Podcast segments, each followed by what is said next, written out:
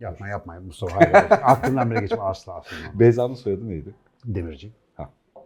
Beyza Demirci e, bizim hayatımıza Beyza'ya Güzel şey. Ben de sallayayım evet. Bizim hayatımıza e, yeni bir kavram soktu ve en son yazarlar toplantısının içerisinde de bir tartışma ulusu e, tartışılan bir kavram olarak yer aldı.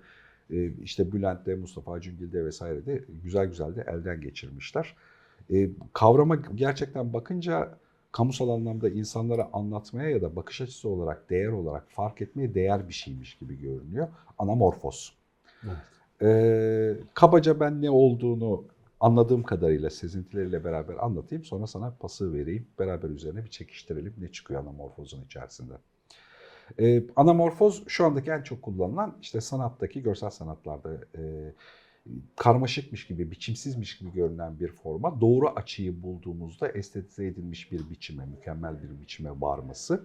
Ama o açımızı değiştirdiğimiz an, o açımızdan hareket ettiğimiz an o bulduğumuz mükemmel biçimin bozulması ve bir biçimsizliğe varması haline genel olarak verilen ismin kendisi. Gerçekten ele aldığımızda hani arka tarafta aslında hayatımızdaki birçok sistemle ilişkimizdeki sosyal bir sürü yapıyla yani politik durumlar, dinler, inançlar, işte belli kavramlar ve analojilerle ilgili yani daha doğrusu hikaye ve anlamla ilgili hemen her şeyde hayatımızı anamorfoza göre biçimlendirdiğimizi birdenbire ayıyorsun gerçekten. Yani hani Bülent de bu aymayı anlatmış e, yazısında. Yani bir nokta buluyorsun kendine, bir, bir biçim buluyorsun karşıdaki şekle göre. Senin baktığın noktadan muhteşem görünüyor gördüğün şey. Ama senin baktığın noktanın dışındaki bir noktada, başka bir açının içerisinde bakan herkes için, bakılan her açı için o çok şekilsiz, biçimsiz, işlevsiz bir şey olabiliyor. Ve bu bizim ana çatışmalarımızın bir konusuymuş gibi görünüyor. Yani seninle olduğun açıyı ki bu açıyı etkileyen şeyler senin kim olduğun, psikolojik durumun gibi şeylerle beraber başlıyor. Hani o bakış açısı dediğim şey de böyle gerçekleşiyor. Ee, onu bulamayan hiç kimse o açıdan bakamadığı için, o e, pozisyon ve derinlikten bakamadığı için o şeklin mükemmelliğini algılayamıyor biçimsizliğiyle karşılaşıyor. İkili bir sorgusu var içinde. Birincisi bazen bazı yapılar sadece bazı koşullar için geçerlidir durumu var. Bazen de tersi bir koşu çok şekilsiz bir şeyi kendimize göre özel bulduğumuz bir açı yarattığımız için çok şekilliymiş, çok önemliymiş zannetme hali çaprazı var. Ee, Gerçek sosyalizm bu değil. ya, ya yani gerçek sosyalizm bu değil, gerçek İslam bu değil Aynen. falan hani şeyin içinde. Peki ne abi işte o değil bu değil yani hani Bak buraya gel bak süper. Bizim Evet. buradan çok güzel gözüküyor. Evet yani anamorfoz gerçekten e, kendi bir de mesela şöyle de bir durum var. Yani var ola gelen şeye bir açı bulma zorunluluğu ve o açı için devamlı senin hareket etmen gerekliliği. Yani sadece sistemin kendisinin dönüşmesi ya da sana kendini göstermesi değil, senin çabalayarak hareket ederek bir şeyin mükemmel halini bulma çabası gerekliliğiyle alakalı bir tuhaf sorgu katmanı daha var altında. Negatif hali Nasrettin Hoca'nın leylek fıkrasındaki gibi. Kolunu şeyde bacağını gagasını kesip ha şimdi kuşa benzedin dediği Bilmiyordum hale onu. Şey o anlatırlar ya işte leylek bakmış ne biçim kuş diye bacaklarını kesmiş, kuyruğu şey burnunu kesmiş gagasını. Demiş şimdi kuşa benzedin çünkü kuş diye bildiği şey öyle bir şey değil yani. Kendi anamorfunu. Çok fenaymış bu arada ben bilmiyordum. tabii tabii. Leylek hikayesi de geçer. Yani müspet menfi taraftan ta galiba bir 15 sene önce bir klasik tabloda bir kuru kafa resminin anamorfik çizim olduğunu öğrendiğimde öyle bir coşmuştum. Onunla ilgili bir yazı yazmıştım. Geçen de o bizim yazarlar grubunda muhabbet geçince aradım bulamadım o yazıyı ama bir yerlerde arşivlerde vardır çıkaracağım. Ee, anamorfin yani benim baktığım iki tipi vardı. Bir tanesi dağınık dağınık nesneler var. Bir yere geçince nesneler toplanıyor. Bir portre bir şekil bir biçim oluşturuyor. Bu biri. Bir diğeri de mesela yansıtıcı yüzeyin e, eğimine göre şekli değişen. Mesela işte böyle yayvan bir şey var yerde. Önüne bir silindir koyuyorsun, yansıtıcı bir silindir. Silindirden orada sana bir kuru kafa ya da kurbağa bir şey gözüküyor. Şimdi bu ikisi de aslında ortak paylaştığımız gerçeklik içerisinde her yönden bakıldığında anlamsız ya da bozuk gözüken bir şeylerin belli prizmalar ya da belli bakış açılarıyla bir düzene girmesini e, bir şey olarak, metafor olarak bize güzel anlatan bir hikaye. Gerçekten de etkileyici çünkü e, hani bir kere o anamorfik enstalasyonu ya da resmi izleyen birisi için bir kere bir hayret uyandırıyor. Aa öyle değilmiş aslında böyleymiş gibi. Ee, şey metafor olarak da şundan etkileyici.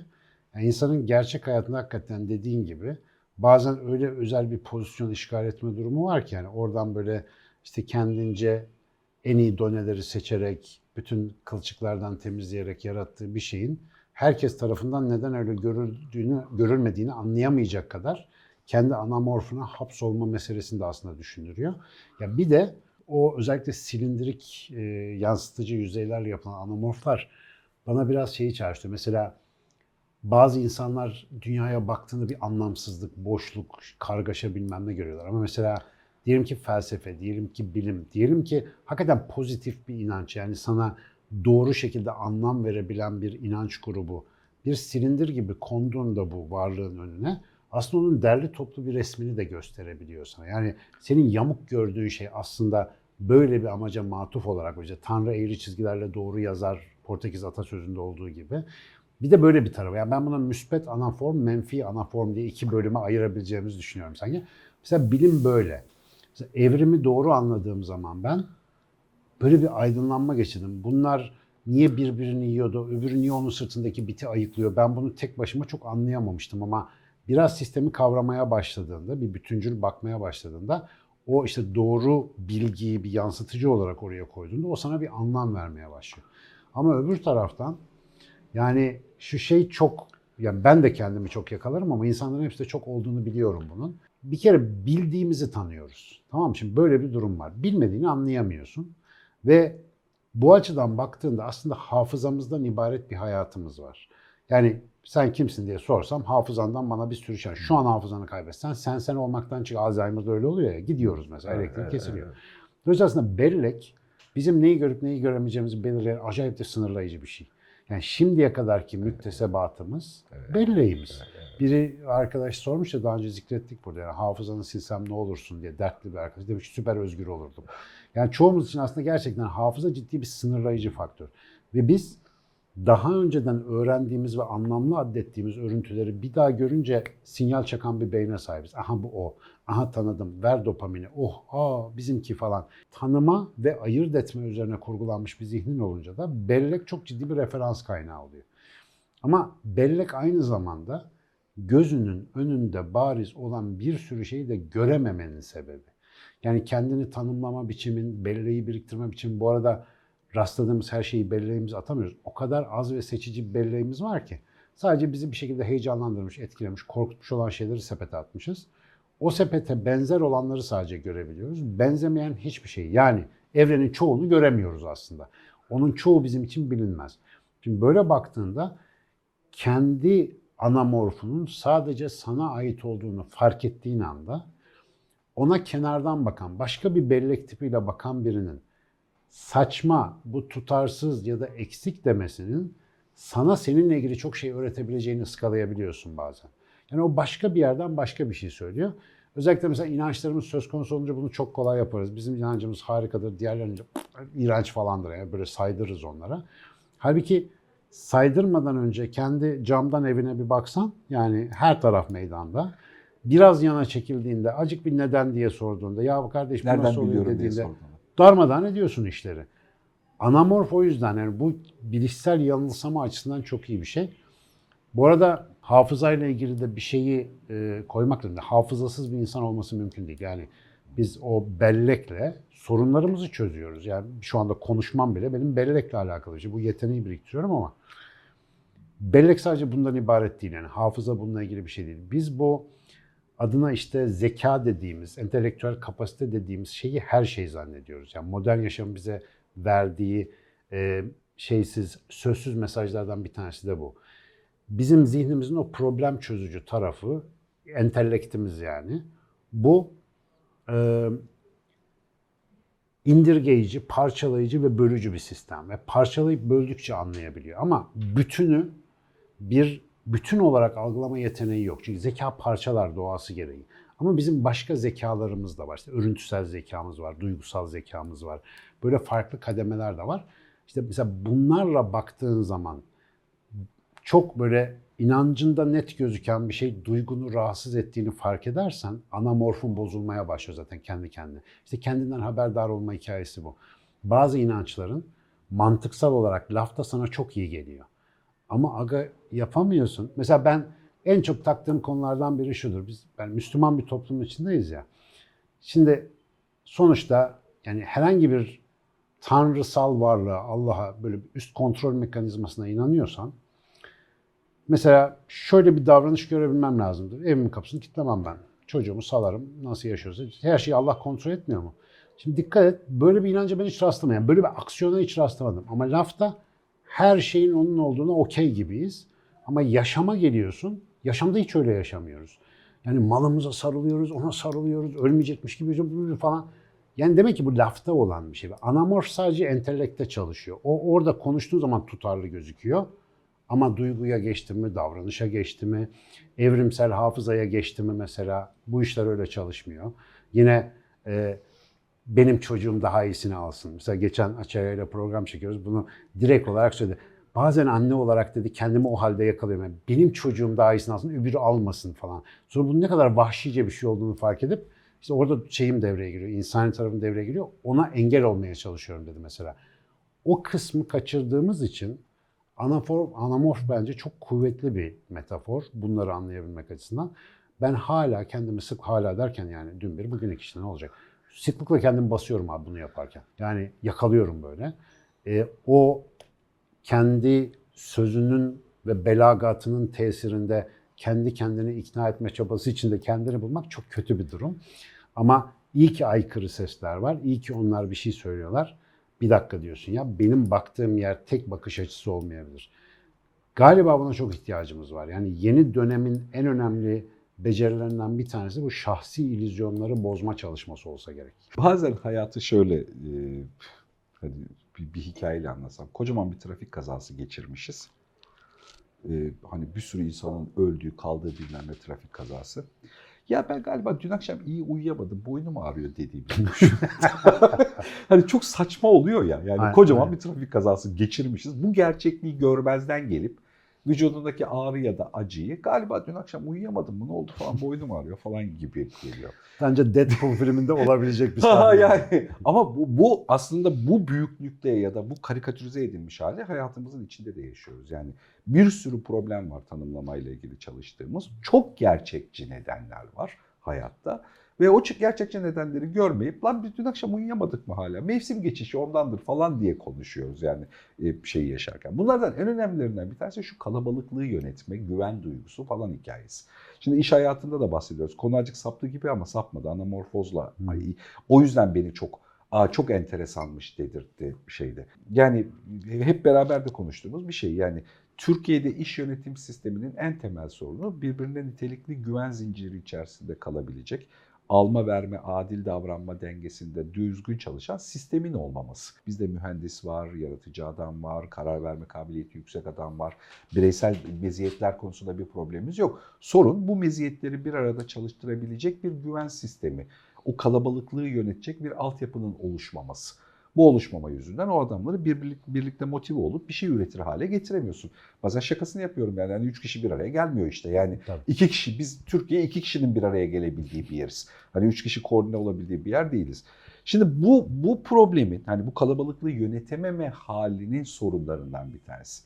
Herkes senin dediğin gibi hani benim baktığım yerde de anamorfik bir bakış açısı var ve bu ikili bir durumdan oluşuyor e, şeyde ya ya kendi sağlıksızlığı ya sistem sağlıksızlığıyla alakalı anamorfik bir yerden bakıyor oraya tutunmuş, biçimlenmiş, kireçlenmiş orada e, bir şeyde. Geri kalan herkesin başka bir şey gördüğünü anlayamıyor. Ve yani kendi de hareket etse başka bir şey görecek. Aynen Ve bu bu anlayamama, bu yer değiştirememe, işte o birbirlerine yerlerini pas edememe, birbirlerine olduğu yeri gösterememe, bunun pozitif hali de bu. Abi sen biçimsiz bir şey görüyorsun ama gel bir de benimle beraber bak içinde o güven duygusuna ihtiyaç var. O yüzden anamorfozu yani gerçekten hani birkaç belki bu videonun içerisinde Ozan'dan falan rica ederiz Yiğit'ten yani e, o görsel e, etkisini de anlatacak birkaç tane fotoğraf ya da video da koyarlar işin içerisine. Oradan başlayarak kendi hayatındaki oradaki gördüğü resmin kendisine imajlar yerine kavramlar ya da hikayeler yani neye inandığı yani işte siyasal anlamda bizim gibi her boku siyasallaşan bir toplumda hani siyasal anlamda neye inandığı, alt hikayelerinde neye inandığını düşünse Hani ben böyle görüyorum anlatırken e, ama ya bak böyle hareket edince ulan o da değil gerçekten. Ben güven işte. Evet. Yani birinin sana elini uzattığında onun elini tutup hadi bir de senin açından bakalım diyebilmek tamamen güvenle alakalı. Evet, evet. Ve aslında anamorflara sıkışmamız, kendi bakış açımıza kilitlenmemiz korkuyla alakalı bir şey. Yani diğer insanlara güvenmeme, onlardan korkma, kendi güvensiz hissetmeyle alakalı bir sıkışma. O güveni tesis edebilmek işte. Bu önce zaten senden başlıyor. Mesela bizim Açık Bey'in bizi korur sloganının altında birbirimize güvenle ilgili bir garanti yatıyor. Evet, yani evet. biz burada her şeyi konuşuruz. Kimse kimseyi baskı altına almaz. Ama herkes başka bir taraftan bakar. Onun tarafına geçip baktığında senin gördüğünün de şekli kalıcı olarak değişir ve bu güzel bir değişimdir. Galiba contemporary'deydi. Şey bu e, gene bu anamorfik tarzda bir enstalasyon var. Bir, bir şey yapmışlar. E, etiketi gördüm işte falanca sanatçı falan diye iplerle bir şey sarkıyor abi. Dedim ulan sanat ne kolay biliyor musun falan. Sonra işte etiket okurken baktım orada bir yerde bir işaret var burada durun diye. Ama iyi saydırdım yani tamam mı? Çünkü muhtemelen o sergiye bir güvensizliğim var herhalde. Bu da lan sanat falan. Abi gittim orada durunca benim gibi düşük sanat zevki olanların bir şekilde algılayabileceği yer orasıymış. Zank diye Frida Kahlo'nun portresi bir çıktı karşıma. O havada sallanan şeylerden. Yani bir anda o kişinin bakış açısıyla görmenin ne olduğuna falan dair böyle düşüncelerin coştuğunu hatırlıyorum o anda. Mesela sanat da böyle bir bakış açısı işte. Yani sadece anamorf olarak değil. Aslında sanatçı diyor ki bak abi bana böyle bir şey gözüküyor. Böyle bir şey geldi. Bir ikram ediyor. Aslında sana yeni bir düşünce yöntemi öneriyor. Bir yeni bakış açısı sunuyor. Ve muhtemelen sadece ona has, onun kadar senin belki de hiç anlayamayacağın bambaşka bir perspektif. Sanat bunun eğitimi gibi. Yani bir başka insanın zihnine girip de onun ne demek istediğini ya da ne gördüğünü anlamaya çalışmanın bir pratiği gibi. Ve bakıyorsun estetikle, sanatla, letafetle fazlaca uğraşan insanlar, Azerbaycan videomuzda da bahsettiğimiz gibi, o başlıkta da ilgi çekmiş abi. Evet. Güzel ama da telaffuz edemiyorum hala. Bununla fazla talim yapan insanlar mesela farklı dinliyorlar. Sen fark etmişindir onu. Yani Hmm. insanlar bunu fark ediyorlar. Nezaket sahibi oluyor bir kere. Yani karşıdaki böyle köpükler saçarak bir şeyler anlatsa bile hı hı, evet sizi anlamaya çalışıyorum ama falan gibi kalıplarla konuşuyor. Ne kadar zorlayıcı olursa olsun öyle bir niyet ishar edebiliyor. Ama Cro-Magnonlara baktığın zaman daha ilkel seviyede yaklaşanlara sanat tüketimi yok. Hayatta letafet yok. Evinde televizyondan sarkan dilli dantel dışında bir estetik dokunuş yok. Bir şey yok. Yani bir üretim yok o işte ilgili. Maruziyet de yok. Öyle olmayınca böyle bir spor da yok. Böyle bir beyin devresi de gelişmemiş. Atamdan böyle gördüm. Böyledir. Bunun dışını diyen zibididir diye adam kodlamış. Ve bütün dünyayı kendisine bana dar etmekle meşgul. İşte o böyle bir dünya görgüsü dediğimiz şey aslında kendi anaform, ana- e, anamorfundan çıkabilme becerisi ya da niyetiyle alakalı. Bu da galiba birbirimize yardım eli olarak uzatabileceğimiz en önemli konu. İşte çocuk yaşta, küçük yaşta o farklı perspektiflerin kıymetini anlatabilsek biz o zaman takıntılı insanlar yerine kaşif insanlar yetiştireceğiz. Yani başka düşünceleri ve başka kıyıları keşfetme. O niyeti. anamorfik duruşları galiba insanların kimliklerine dönüyor ve o Tabii. e, o, o kimliklerini savunmak zorunda kalıyorlar. Halbuki kimlik orada değil. Yine sohbet işte kendini bilmeye bağlanıyor gerçekten e, arka tarafta. Tabii ki. Halbuki- Hep düşün bak oradan bakıyorsun net gözüküyor. Evet. Acık yana kayınca netlik gidiyor ve korkuyorsun. Çünkü orada hayatın anlamı çok net gözüküyor. Evet ve Ama ve- yanda öyle değil. Evet ve sistemi o bütün haliyle de anlamak gerekiyor. Yani sistemlerin birçoğu senin ihtiyaç duyduğun hale göre netleşiyor, biçimleşiyor. Halbuki acık hareket edince sistem öyle bir şey değil. Öteki tarafı da bir gerçek. Aynen yani anamorfik yapının netleşmeyen formu da bir gerçek. Ve Evet, o o gerçeklikle de hani şey diye düşün. Yani e, 360 derecenin bir derecesinde onu görüyorsun. Geri kalan 359 derecesini gören insanlar onun şekilsizliğiyle karşılaşıyor. Aynen. Bir kere bak yeni bir şey açtın şimdi. Anamorfik bir enstalasyonu bir yerinden bakınca direkt niyet edildiği mesajı görmek ortalama her zihnin yapabileceği bir şey. Ortalama bir zihin yani gerizekalı, deli falan değilse bakınca onu zaten görecek. Ama yana geçtiğinde mesela bilimin biraz yaptığı şey budur. Parçalara bölerek anlamaya çalışırken o herkesin anlayabileceği güzel düzeni, resmi ya da örüntüyü oluşturan şeyin mekaniğini, o niyete giden yoldaki zahmeti, mühendisliği, emeği de takdir etmeye başlıyorsun bir taraftan. Yani onu o mesaj dışı açıdan ya da niyetlenen yer noktası dışından gözlemlemenin de acayip faydaları var.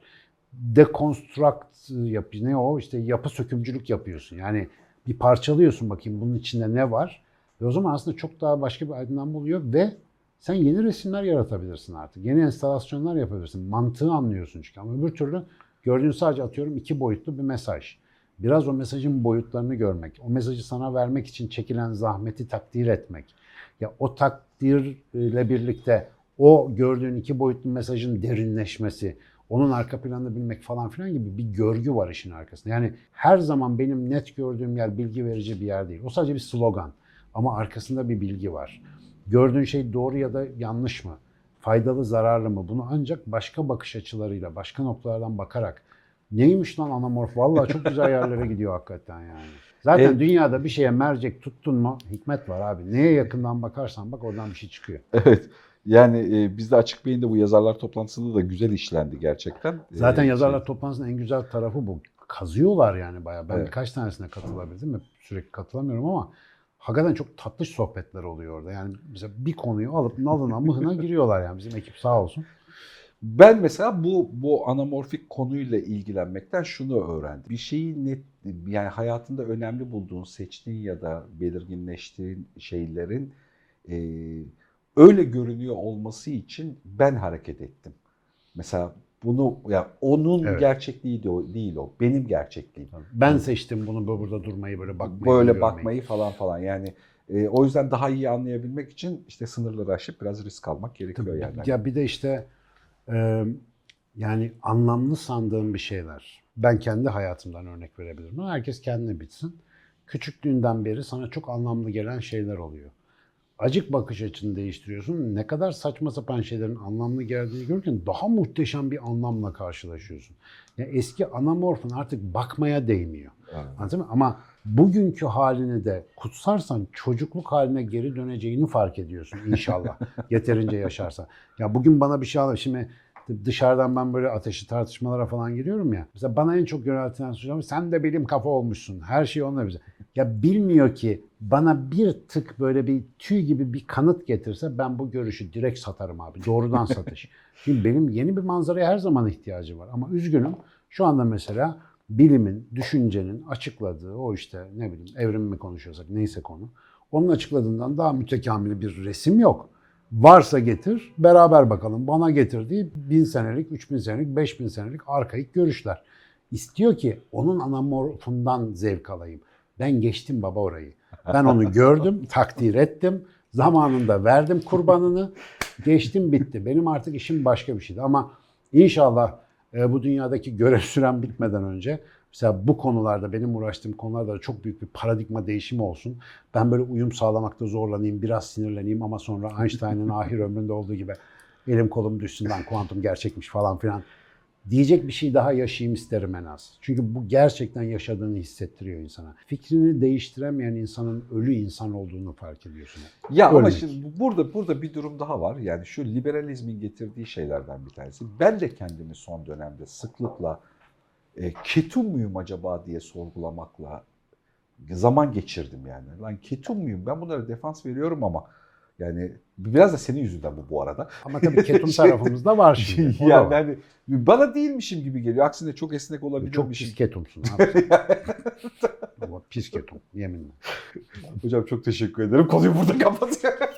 Ya değil mi? Biz de konular. Bir sonraki Can Canan'da ketumiyet Ke- konuşuyor. kestik mi konuyu? Kestik. Ben değilim ketum tamam.